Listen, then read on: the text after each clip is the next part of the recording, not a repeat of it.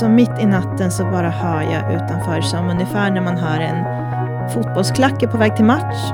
Att det är otroligt många män som blåser i visselpipor, slår på trummor, sjunger och skriker och liksom en väldigt uppiskad stämning. Och om de här fick chansen så skulle de göra så otroligt mycket mer. De finns kvar. De här tjejerna i Afghanistan som på talibantiden inte fick gå i skola. Men då säger jag välkommen till 11 kaffe med Fru Vintage. Eva Nordenstam och Hanna Rosell från Läkarmissionen.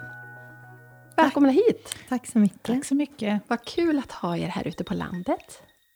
Med hönorna springande runt kaffehuset. Så att och det, även i kaffehuset. Jo, även i kaffehuset. Vi har fått schasa ut några av dem innan här. Det slog mig när jag väntade på er idag att det är nog ungefär ett och ett halvt år sedan drygt som vi satt här i mitt kaffehus senast. Och då har jag för mig att vi planerade vår resa till Etiopien. Mm. Den som Noah och jag åkte med eh, Eller vi åkte för ett och ett halvt år sedan, så lite drygt det. Kanske knappt två då, som ni var här senast. Men vi har ju setts eh, sen dess på olika event med Läkarmissionen. Jag tänker att för att folk inte ska behöva sitta och undra vilka är de här två brudarna, så ska ni få berätta lite grann bara vilka ni är. Eva, du har ju, du är nästan inventarie på Läkarmissionen får man säga. Jag har jobbat sedan förra århundradet på Läkarmissionen. så det är lite, lite Hur många år? Sen 99 började jag. Ah. Så det är ju mm, många år. Wow. Och du är insamlingschef? Är Nej, jag är Nej? kommunikationsansvarig, alltså kommunikationschef. Då. Kommunikationschef. Och vad gör en sån? Ja, jag skulle säga det att eftersom jag varit där så länge så har det varit många olika saker man har gjort genom åren. Ja. Men eh, mycket är väl att eh, jag har hand om vår tidning, Svenska Journalen, och pratar lite, skriver lite och reser lite, sa jag alltid förut. Men nu reser jag mindre, men pratar och skriver fortfarande. Mm. Och Hanna, vi hann ju jobba tillsammans något år innan jag sa upp mig, tror jag. Mm, det gjorde vi. Du, jag är, det är jag som är insamlingsansvarig, men jag tycker att det är kul med kommunikation och Eva tycker att det är roligt med insamling, så att vi jobbar ju ah, väldigt nära ah, ihop. Ah. Så jag förstår att det är lätt att blanda ihop, men eh, mm, insamlings och marknadschef jobbar jag som. Och hur kom det sig att du började på Läkarmissionen? Um, vi, bodde i, vi bodde i Värmland. Det är inte om det hörs så väl på mig. Jo, det gör det. och um, så kände jag och min man att vi hade alltid bott där. Vi hade en treåring och en bebis. Och så var det en kompis till honom som frågade varför bor ni inte i Stockholm egentligen och jobbar där? Det skulle väl passa er? Och så började vi prata en kväll och samma kväll kolla på lägenheter och vips så var vi på någon visning. Och eh, så flyttade vi till Stockholm utan att ha egentligen något jobb, varken han eller jag, men vi kunde frilansa lite. Och då när folk frågade vad vill du göra nu då när ni flyttar dit? Ja, men då sa jag att jag skulle vilja jobba som kommunikatör för någon biståndsorganisation, typ ah, Rädda Barnen eller så. Just det. Och när vi hade bott i tre veckor så kom det ut en annons för Läkarmissionen. Då kände jag det här är min tjänst. Kände du, till, kände du till Läkarmissionen innan då? Ja, men jag gjorde det lite grann. Ah. Jag, jag, tror att jag hade faktiskt hjälpt till att samla in pengar till Mors dag eller någon annan kampanj ah, tidigare. Så att det, lite grann i alla fall. Och vad gjorde du innan?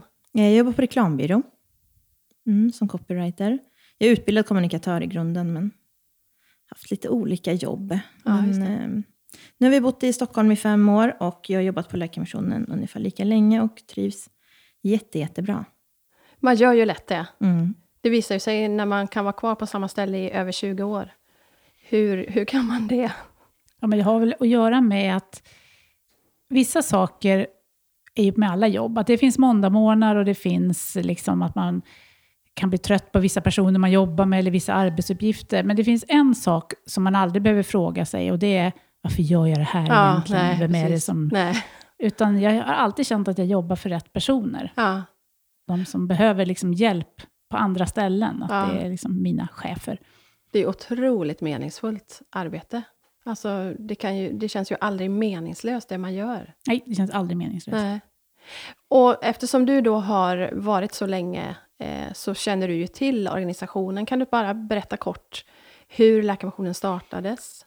Det är en svensk organisation som startade när det var chefredaktörens fru för Svenska Journalen dog Det här var 1958. Och då skrev man istället för blommor, tänk på läkarmission. För det låg Margit, hon hette Margit, varmt om hjärtat. Och då, nu är det så vanligt, nu tänker vi på Cancerfonden och Läkarmissionen och allt möjligt när, när någon dör. Men då var det lite ovanligt och då kom det in så hiskeligt mycket pengar. Så då var det som att man tänkte, oj, det var liksom entreprenörer där också som kände att här måste vi göra någonting med. Så då började det som en insamlingsorganisation och sen så har det fortsatt därifrån. Just det. Och jobbar mycket, mycket i Afrika. Jobbar mycket med, alltid jobbat mycket med utsatta barn och med utbildning och alltid med mammor och så. Så att det har varit olika projekt genom åren och nu är det mycket vatten, mycket hygien och sånt. Så att det, Var kommer namnet ifrån? Ja, det kommer nog egentligen av att läkarmission var ett ord då. För att nu tycker vi varken läkare som jobbar där eller Nej, jobbar med mission, precis. så egentligen är det helt missvisande. Ja. Så det, ofta kommer vi in i, så här, vänta, ska man byta namn? Men det är väldigt svårt att byta namn, för det är ändå ett inarbetat namn. Så Verkligen. att, För jag kommer ihåg, en av mina första uppgifter då när jag blev anställd på Läkarmissionen var att göra en second hand-turné.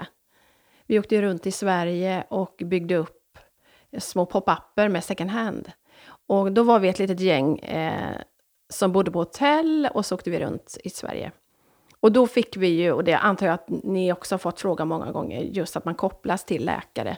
För då var det någon som sa på något hotell, åh vad skönt, då kan vi sova gott i natt nu när ni är läkare här från Läkarmissionen.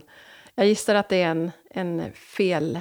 ja, då, jag har blivit så här, och överläkare Eva Nordensson kommer hit och pratar. Jag är ganska rädd för sjukhus och så här, så att jag är inte alls någon lagd åt det hållet. Så det, Nej. Kort också bara, ehm, second hand-butikerna finns ju i Sverige. Men på hur många platser jobbar man runt om i världen och med vad? på ett 30-tal platser. Det är rätt så mycket utbildning, mest för vuxna då. Eh, rätt så mycket barn som får hjälp på olika sätt. Både vad det gäller, det finns ju vissa, viss sjukvård, som till exempel Panzisjukhuset som är känt och där, är, där vi jobbar mycket för säkra förlossningar och så. Men sen är det också mycket vatten, att människor ska få tillgång till rent vatten. Sen om det händer katastrofer på olika håll, då brukar vi också vara med och göra insatser om det är en jordbävning eller Ja, just det. Mm.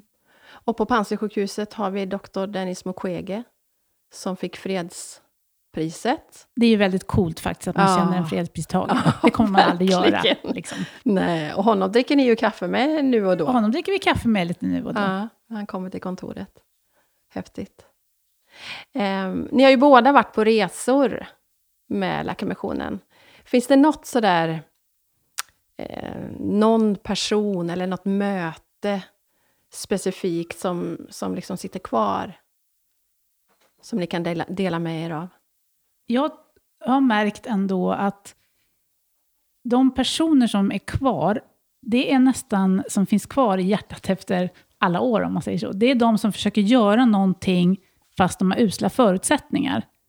De här som, är, som bara har det uselt, om man säger så, det, det är tufft ju, på olika sätt att se människor som lever i tuffa situationer. Men de som ändå försöker, startar en liten verksamhet eller hoppas och går någon kvällskurs eller där man känner att åh, om de här fick chansen så skulle de göra så otroligt mycket mer. De finns kvar. De här tjejerna i Afghanistan som på talibantiden inte fick gå i skola och vi gav stöd till eh, såna här speciella, det var liksom hemliga skolor där man fick lära sig om, om hygien och lära sig läsa och så. Och när jag träffade dem och frågade vad de ville göra, då var det liksom tjejer som de ville, ihåg, ville bli agronomer och lärare och läkare. De hade jättemycket framtidsdrömmar och så visste man att ja, men ni får inte ens lära er läsa och skriva. Nej, att det, nej. de där finns kvar mycket mera än flyktingläger. Alltså, det kan också finnas kvar, men de, det blir på något annat sätt. Ja. Och det blir det även här i Sverige, tänker jag, i coronatider. De här alltså, allt det här som folk försöker göra ändå. Man får ingen student, men man gör på något annat sätt. Det här när människan visar prov på att, att inte... Att trots att det är väldigt liksom, tufft och tungt, så bara, ja, fast det här behöver inte definiera hela mig och hela mitt Nej. liv. Det finns, jag kan göra något av situationen. Det blir jag alltid väldigt gripen av. Ja. Har du något sånt där minne, Hanna?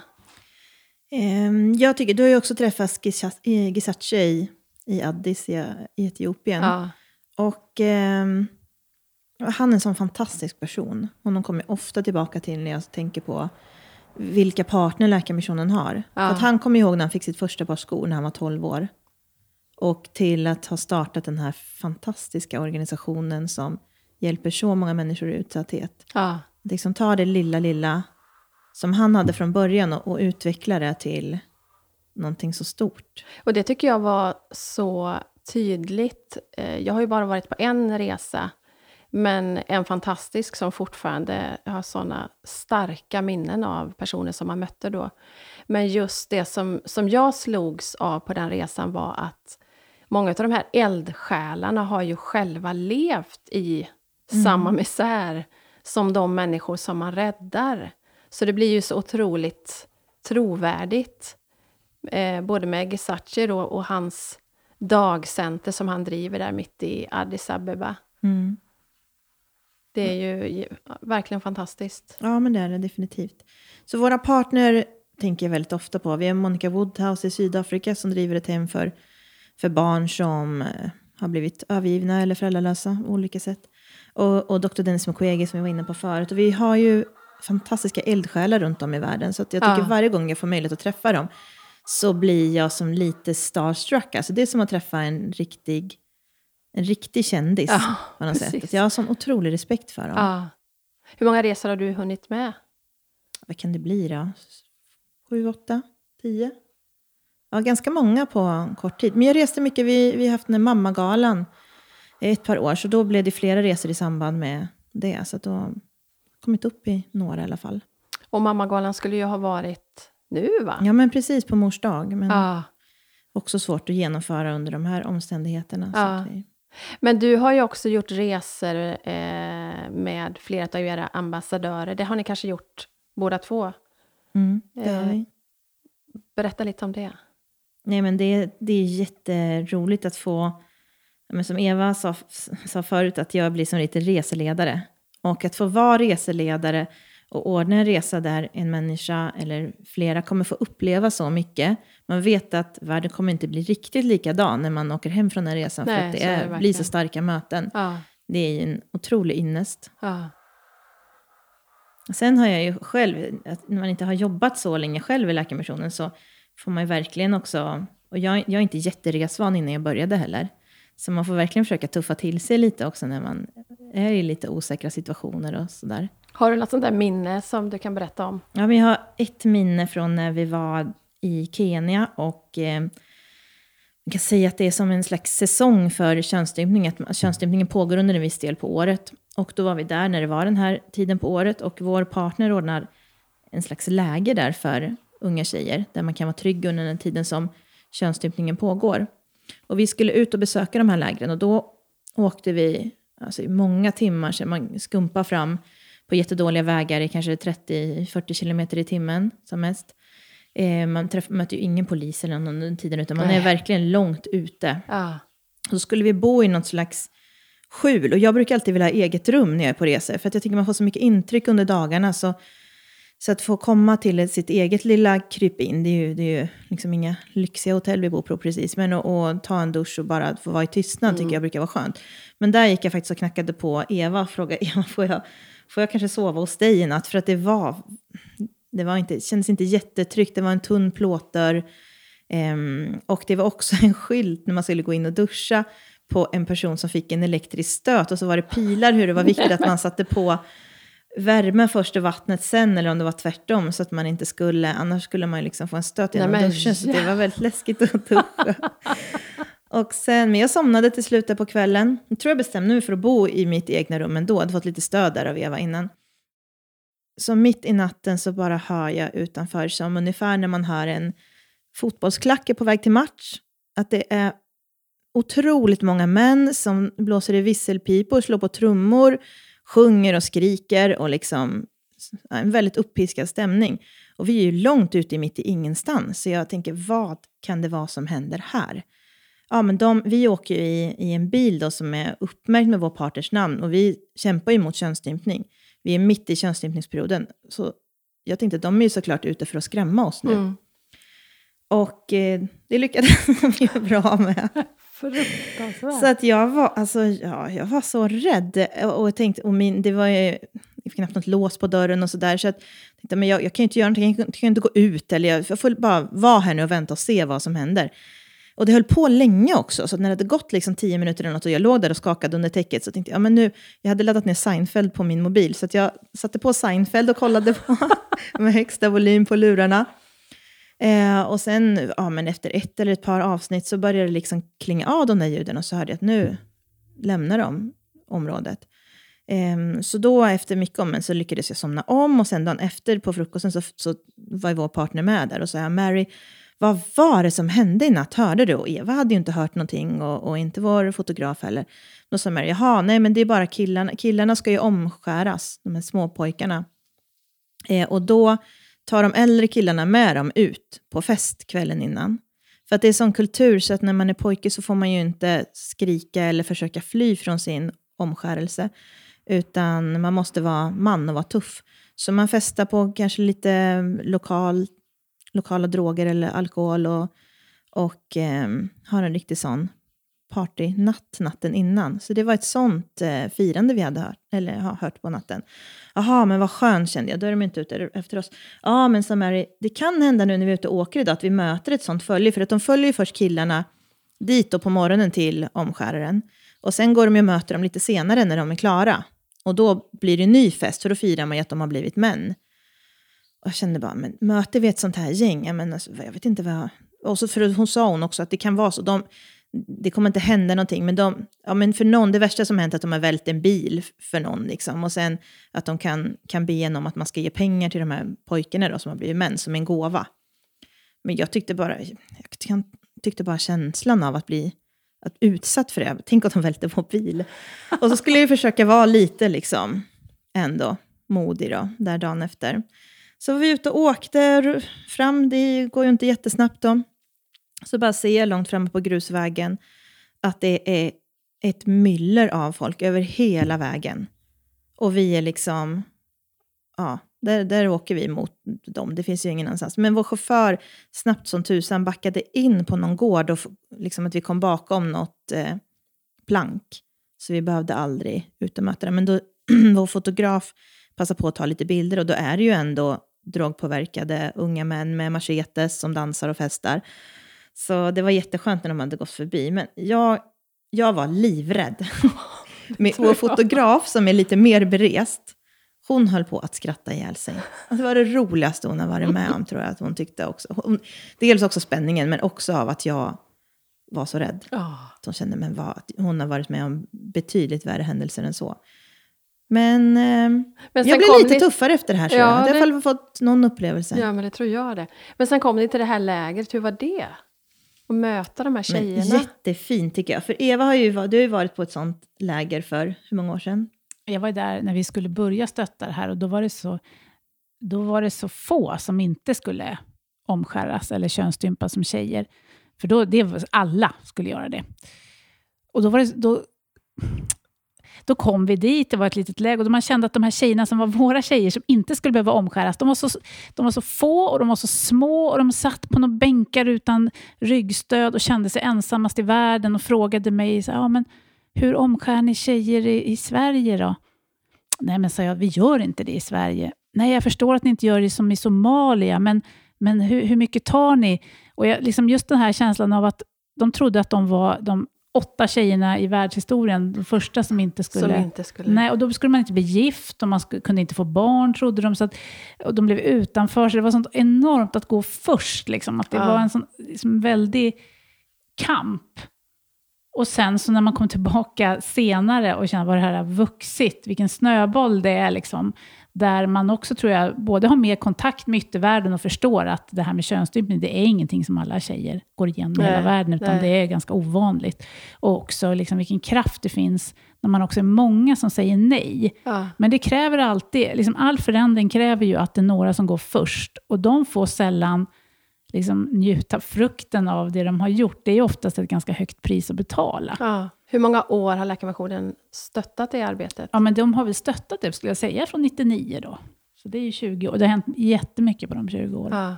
Och det är fantastiskt att se, för mycket nöd fortsätter ju. Mm. Att man ger, men sen är det ju ändå, det är liksom, hallå, kan det bli bra någon gång? Men det här är typ ett sånt arbete där jag kan se och med mina egna ögon och höra med mina egna öron. Alltså jag kan verkligen uppleva att här har det hänt någonting. Här har det blivit en stor skillnad. Och det är ju mycket tack vare då att det har funnits människor i Sverige som har velat ge stöd till det här, till tjejer väldigt långt borta i världen. Ja.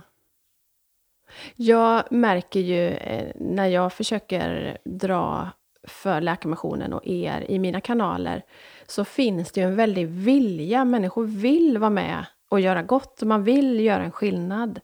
Men den klassiska frågan är ju, hur vet man att pengarna kommer fram?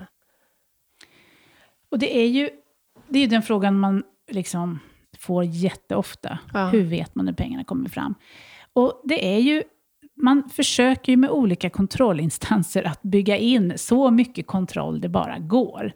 Jag menar, det är ju både från vårt kontor, att människor åker ut och tittar. Det här har ni sagt att ni ska göra för pengarna, gör ni det? Mm. Vi är med till exempel med alla 90-konton.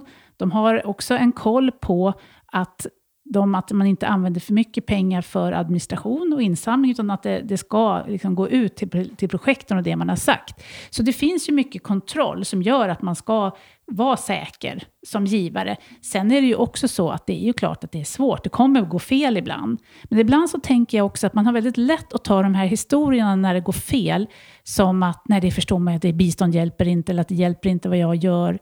Men det kan ju vara så att även om det är på ett sjukhus i Sverige som man bygger och där mycket går fel, så behöver det inte vara fel att bygga sjukhus. Alltså det kan ju fortfarande vara så att man vill, att man ofta lyfter fram det som går fel och det som är tokigt, men det är väldigt mycket som går rätt. Ja. Det är väldigt många tjejer som har sluppit könsstympans tack vare Läkarmissionens givare. Ja. Det är väldigt många barn som har fått komma från gatan i Rumänien, eller Addis Abeba eller i eh, Kampala. Det, det händer mycket. Så att jag har ju sett det själv, så för mig är det också tror jag, lättare att veta att pengar går fram. Ja, precis. Men jag, jag tror man ska, vara, man ska ju vara noga, men, men man ska inte liksom...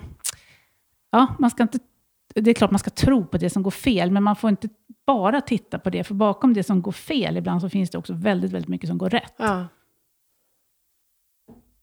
Och det var det som var så fantastiskt med den resan som vi gjorde till Etiopien, att, att med egna ögon få se att, att hjälpen faktiskt når fram och hur mycket en hundralapp eh, faktiskt gör på plats. Det, det, är en eh, avvarad lunch här hemma för oss. Men på plats är det ju skillnad mellan liv och död. Ja, ofta så är det ju att det är pengar som saknas. Det saknas ja. inte god vilja eller det saknas inte bra idéer. Och jag kan många gånger också känna att om, om det vore omvänt, att vi behövde hjälp och de vi hjälper hade pengar, så hade de gjort detsamma för oss. Det ja. känner jag ofta faktiskt, att världen hör ändå ihop. Och vi, vi människor har faktiskt, vi vill, vi vill väl, de flesta ja. av oss. Och kan vi göra någonting så vill vi. Och nu har vi en möjlighet här som de inte har. Det skulle kunna vara annorlunda och då skulle vi kunna ta emot hjälp. Ja. Och på vilket sätt kan man hjälpa bäst om man vill stödja till exempel Läkarmissionen? Vilket är det bästa sättet? Det bästa sättet är ju, det, det är väldigt krast, men det är ju pengar. Ja. Alltså det är pengar som behövs. För det, det är väldigt många som vill hjälpa till på olika sätt. Man vill engagera sig, man vill kanske jobba fysiskt på olika sätt eller jobba ideellt. Och det är såklart att det är väldigt tacksamt och att det finns många organisationer som kan ta emot det. Men det kräver en annan logistik och det finns bra personer på plats som, som vi kan ge arbete och möjligheter. Och eh, det finns kompetens och, och så vidare. Så det, det absolut bästa är kontanter. Ja. Och det, det tycker jag ändå är en styrka just med Läkarmissionen, att ni jobbar med lokalbefolkningen på plats. Mm. Det är inte eh, vita eller svenskar eller europeer som åker ner och fixar biffen, utan det är verkligen lokalbefolkningen som, som får stöd att hjälpa sig själv. Mm. Och det måste ju ändå vara det bästa. Ja, det ger ringar på vattnet också. Det påverkar nästa generation. Det är, det är det enda sättet till riktigt hållbart bistånd. Ja, ja. Men det tycker jag man har känt mycket också, eller jag har tänkt mycket på det den här våren. När att världen hänger ihop med hela pandemin. Att det är någonting som händer som drabbar en hel värld på olika sätt. Men vi är alla människor i det och vi kommer lida på olika sätt beroende på hur långt vårt samhälle är utvecklat och vad det är för problem. Men det finns fortfarande liksom samma känslor som vi delar som människor. Och det finns något fint över att dela en värld, tycker jag. Ja, Och att man får göra, alltså att man får bidra på det sätt man kan. Här i Sverige kan vi göra vissa saker och behöver göra vissa saker, men någonstans långt borta så, så kan det, våra pengar, någonting som vi kanske har lite mer överflöd av, få, få göra skillnad där, där människor inte kanske hade haft en chans annars. Nej, nej. Jag tänker på det här också med, på tal om pandemin som vi är mitt uppe i nu. Det är ju någonting alldeles nytt för oss i Europa, i västvärlden, men, men det är det ju inte på många platser som Läkarmissionen jobbar på. Berätta lite om det. Nej, men det har jag också tänkt mycket på, för att när, när det stora ebolautbrottet skedde i Liberia, då var ju det på ganska säkert avstånd från oss i Sverige ändå. Man kunde vara rädd att det kom hit, men det var ju aldrig som det här har blivit. Nej. Men nu tänker jag på de vi jobbade med på Foya-sjukhuset, Francis och John. Francis som var administrativ chef och John som var pastor. Och Francis som var administrativ chef och hade ansvar för personalen. De får in en kvinna som är väldigt sjuk. Och de är vana att folk är väldigt sjuka. Jag menar, det, de är vana att folk dör, det finns mycket infektioner och det finns mycket ja, sjukdomar. Men det är någonting som är lite annorlunda med den här kvinnan som dör och att den som kom dit med henne också dör och sen att sjuksköterskan som vårdade personen dör. Oj. Och då kan jag tänka, när man har ansvar för sin personal, för det sa ju Francis att han låg ju sömnlös och tänkte, vad ska jag göra? Min personal börjar dö. Ska jag stänga sjukhuset? Vad gör vi? Och då visste man inte vad det var, hur det hjälpte. Och då fanns det någon läkare från Kongo som sa, det kan vara ebola. Eh, det är de här symptomen, alltså det har, för där var de lite mer vana. Och då insåg de att det var det. De hade ingen skydd, skyddsutrustning och jag vet att jag pratade med en barnmorska där som ringde på en jättedålig ledning som, som bara var alldeles förtvivlad och sa de, vi dör här och vi har inte ens handskar. Och, eh, vi, gjorde en ins, vi gjorde då någon insamling för, att, för skyddsmaterial till vårdpersonalen. Och det är som att jag nästan nu mer förstår vilken, för de sa ju det sen när man pratade efteråt, att så fort man börjar känna lite symptom så tänkte man, är det dags nu? Är det min tur? Och jag menar, ebola är ju fruktansvärt som sjukdom och hur man dör också. Men där gjorde ju personalen så att de satte sig ju i karantän, de sa adjö till sina familjer och bodde på sjukhuset, för de kunde inte gå hem och smitta några. Och så var de där och så så jag menar, folk har gjort oerhörda insatser och det är nästan som att jag blir ännu mer tagen av det nu, när man själv har gått och känt, vänta nu, mm, hur mår jag? Eh, hostade jag till? Eh, hur mår jag i halsen? Ja. Hur är det? Alltså, då, då man tänker att får man ebola, och det är ju ingen... Ja, jag känner en väldigt stark och djup beundran för de människor som har levt igenom de här utbrotten tidigare. Märker ni av, som organisation, den pågående pandemin? Är folk fortfarande med och stödjer? Och... Vi har ju helt fantastiska givare och vi upplever att vi har ett fortsatt stöd från dem. Däremot så är det svårt för att vi förlorar ju givare varje månad. Eh, att människor blir, blir för gamla för att ge, ge eller någon går bort eller får en betydligt försämrad ekonomi eller så vidare. Och vi har, det vi har svårt för just nu det är att fylla på med nya givare, framförallt med nya månadsgivare, för där behöver man ju känna ganska mycket förtroende för organisationen för att man ska vilja ha en månatlig dragning från sitt konto. Så där, det kommer vi se på sikt att, vi, att, att det påverkas. Ja, det. För vi brukar ofta få nya månadsgivare genom, ja men du är ute och pratar med människor, eller vi är ute och har olika konsertverksamhet eller olika träffar. Och eh, främst där, ja. oroande. För visst är det ändå det allra bästa sättet att stödja att bli månadsgivare? Ja, det är det absolut. För det, det ger oss en möjlighet att planera, att sätta en budget och, och planera eh, arbetet lite längre fram, vilket ju absolut gagnar våra partner i fält, att de vet att det kommer fortsätta komma ett, ett bra stöd här. Och hur mycket, hur mycket mm, ger man då om man blir en månadsgivare? Hur mycket är det varje månad? Men många ger 100 kronor. Jag tror att medelgåvan ligger på ungefär 150 kronor i månaden. Ja. Det finns de som ger 500 kronor i månaden som upplever att de har råd med det. Så det, det är ganska olika. Men det vanligaste är att ligga på runt 150. Ja. Och nu så är vi ju mitt uppe i eh, morsdagskampanjen. Det är ju morsdag snart. Mm. Eh, och varför jobbar Läkarmissionen så direkt mot mammor? Vad är, vad är det man ser för vinst där? Nej, men jobbar mot, vi jobbar ju mot mammor i nästan alla våra projekt. Alltså, som Eva pratade om förut när man jobbar med utbildning, så är det ganska mycket utbildning för att mammor ska för det första lära sig att läsa och skriva, för att man ska också få en annan makt över sitt eget liv. Kunna göra sig förstådd och förstå. Man kan läsa ett recept man har fått från läkaren exempelvis, kan vara ett exempel. Eller förstå vad det står i tidningen. Det är en, en demokratisk fråga också. Um, men också för att så småningom kunna bli självförsörjande och skaffa sig ett yrke och eh, kunna försörja sina barn. Och det vi ser är att när vi satsar på mammor så är det alltid, eh, spiller över på nästa generation. För mammor satsar inte bara på sig själva utan man eh, ser till att sina barn får gå i skolan.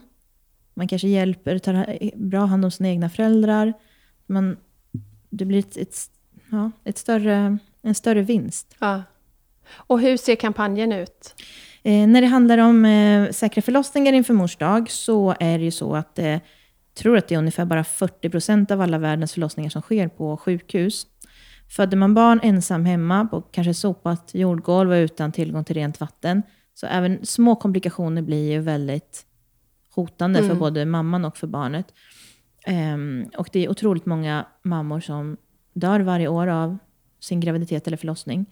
Så för bara 180 kronor så kan vi garantera att en kvinna får en plats på Panzisjukhuset och, och får en bra förlossning. Ibland behövs det kejsarsnitt och då kanske förlossningen kostar 2000 kronor och det har, har vi höjd för från Läkarmissionens sida. Men köper man en, en förlossningsplats så är det en okomplicerad förlossning så kostar den ungefär 180 kronor. Och då kan man gå in på läkarmissionen.se och ja. så kan man ge bort en förlossning till sin mamma eller men precis, för nu när vi inte träffar våra mammor kanske i samma utsträckning så ehm, är det en jättefin present som man kan köpa. Man kan ändra, är man ute i god tid så kan man få det skickat ett fint gåvokort. Men annars så får man ett gåvokort som man kan ladda ner och, och skriva ut eller smsa till sin mamma.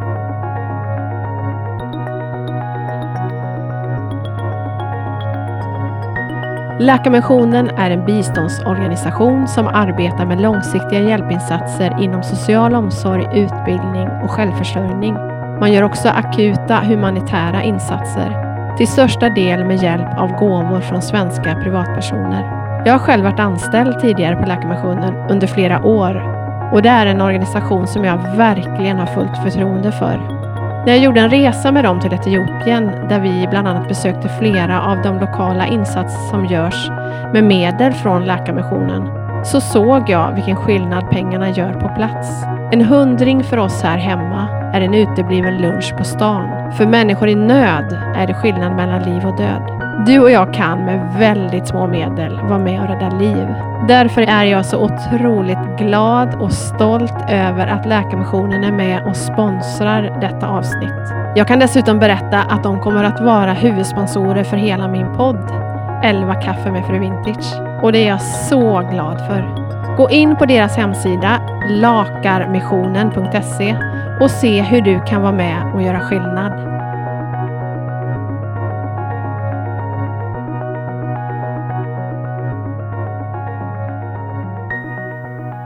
Något som också blir när man har jobbat länge på ett ställe, som jag har gjort, det är ju att vissa personer kan man få återse senare i en annan situation. Och det är någonting som, som kan ge Alltså det ger ju mig mycket som egen person också tillbaka. För några som jag mötte, bland det första jag gjorde, det var faktiskt innan jag jobbade på Läkarmissionen, då var jag reporter på tidningen Svenska Journalen. Då åkte jag till Rwanda och det var fyra år efter folkmordet. Och det var att komma till en så otroligt, eh, det var en sån otrolig kaossituation. Eh, det var det var så otroligt många barn som hade blivit föräldralösa. För ett folkmord, då förlorar man inte bara sina föräldrar, utan då förlorar man sin faster och moster och kusiner mm. och för alla. Och det låg pärmar ute med massa bilder på barn. Så känner du igen något av de här barnen som man kunde bläddra i med liksom sida upp och sida ner, med barn som ingen visste vart de hörde till. Och vissa barn var så små så de kunde inte ens veta vad de hette själva. Och, och det var kaos i Kigali, i stan. Och jag kommer ihåg att vi bodde på någon vi bodde liksom när man inte hade något vatten och så vet jag det var ett hotell som var öppet och det var det här hotellet som Hotell Rwanda, det hotellet som var. Eh, och där var det pool och jag bara hade sett fram så otroligt mycket. För en gång så skulle vi åka dit och jag skulle liksom duscha och jag skulle bada i poolen. Men så var poolen tömd när vi var där, så det var ju inte något. Men det var ändå trevligt att komma dit.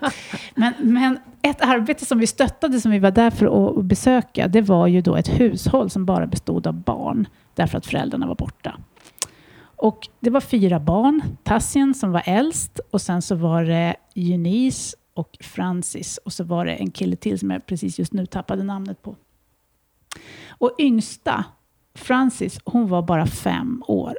Och när jag träffade henne, så de, de bodde då...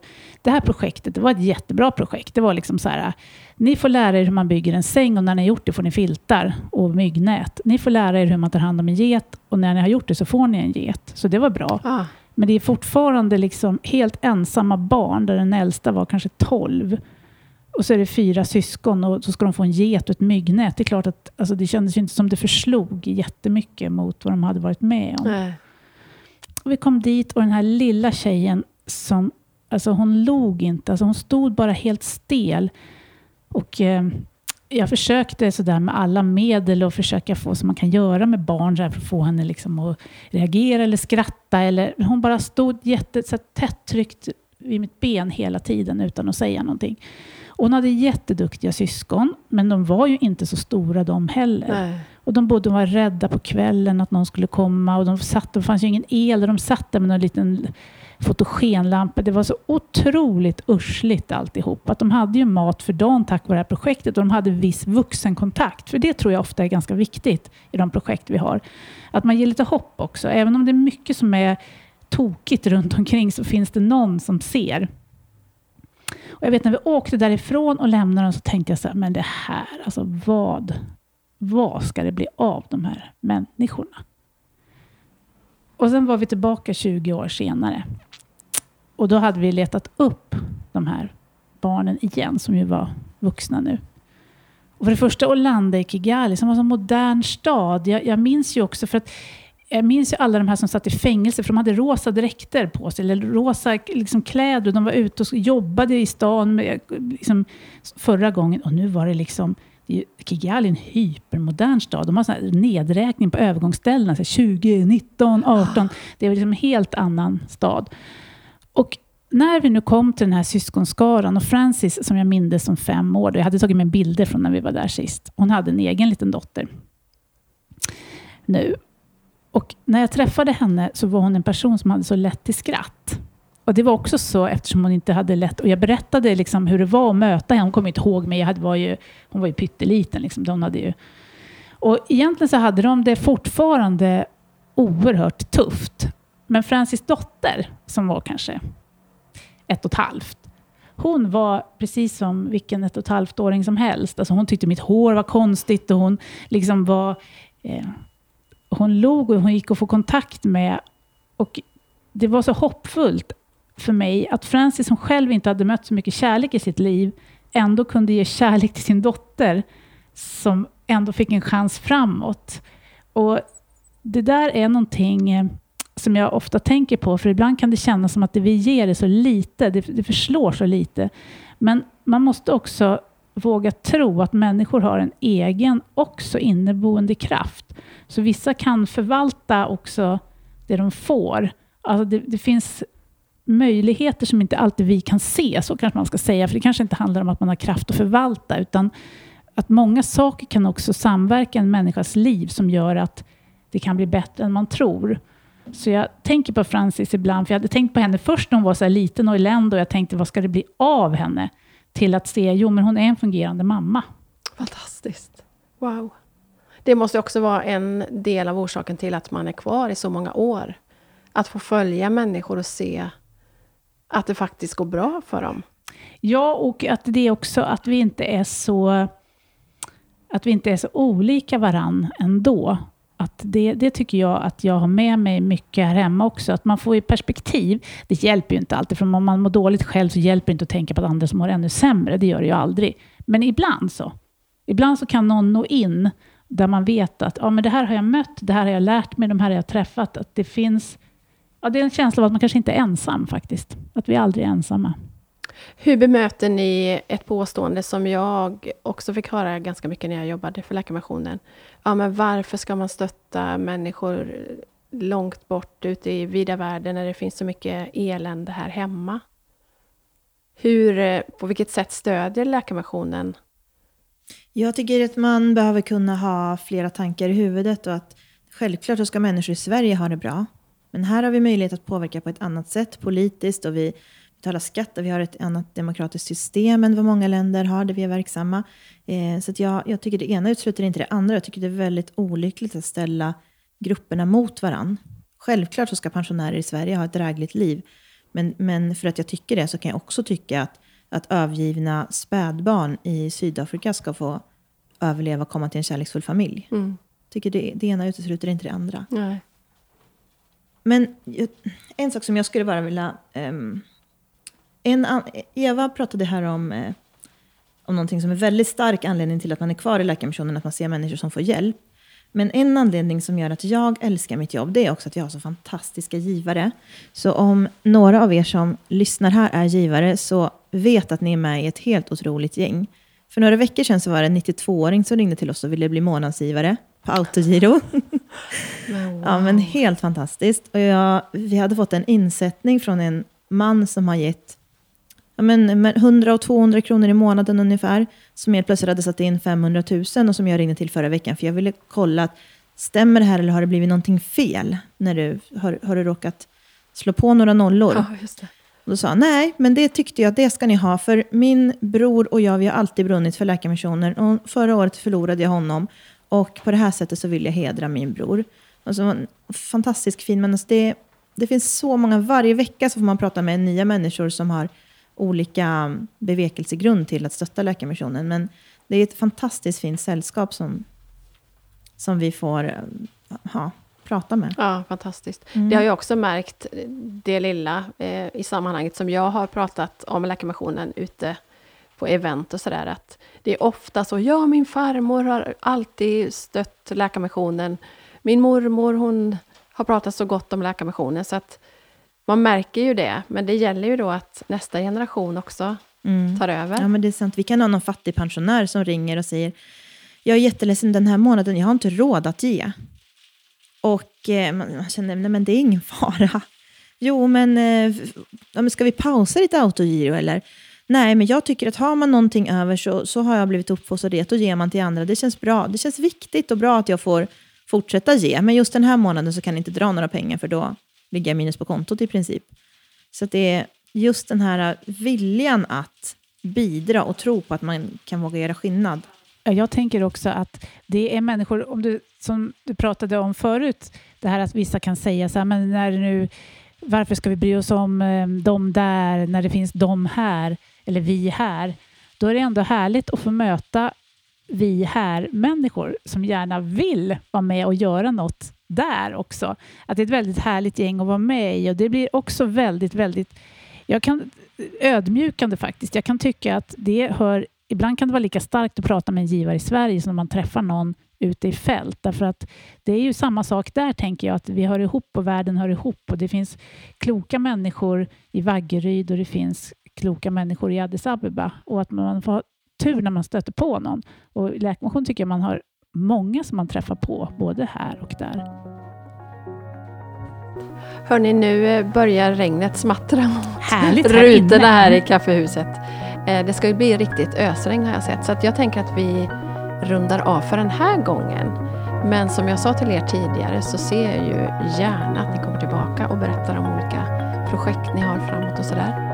Men tack så jättemycket för idag. Och tack för kaffet. Ja, Tack, för kaffet. tack, tack. tack för att vi fick komma och tack till alla er som är med och, och räddar liv, måste Ja. jag säga också. Bra. Mm.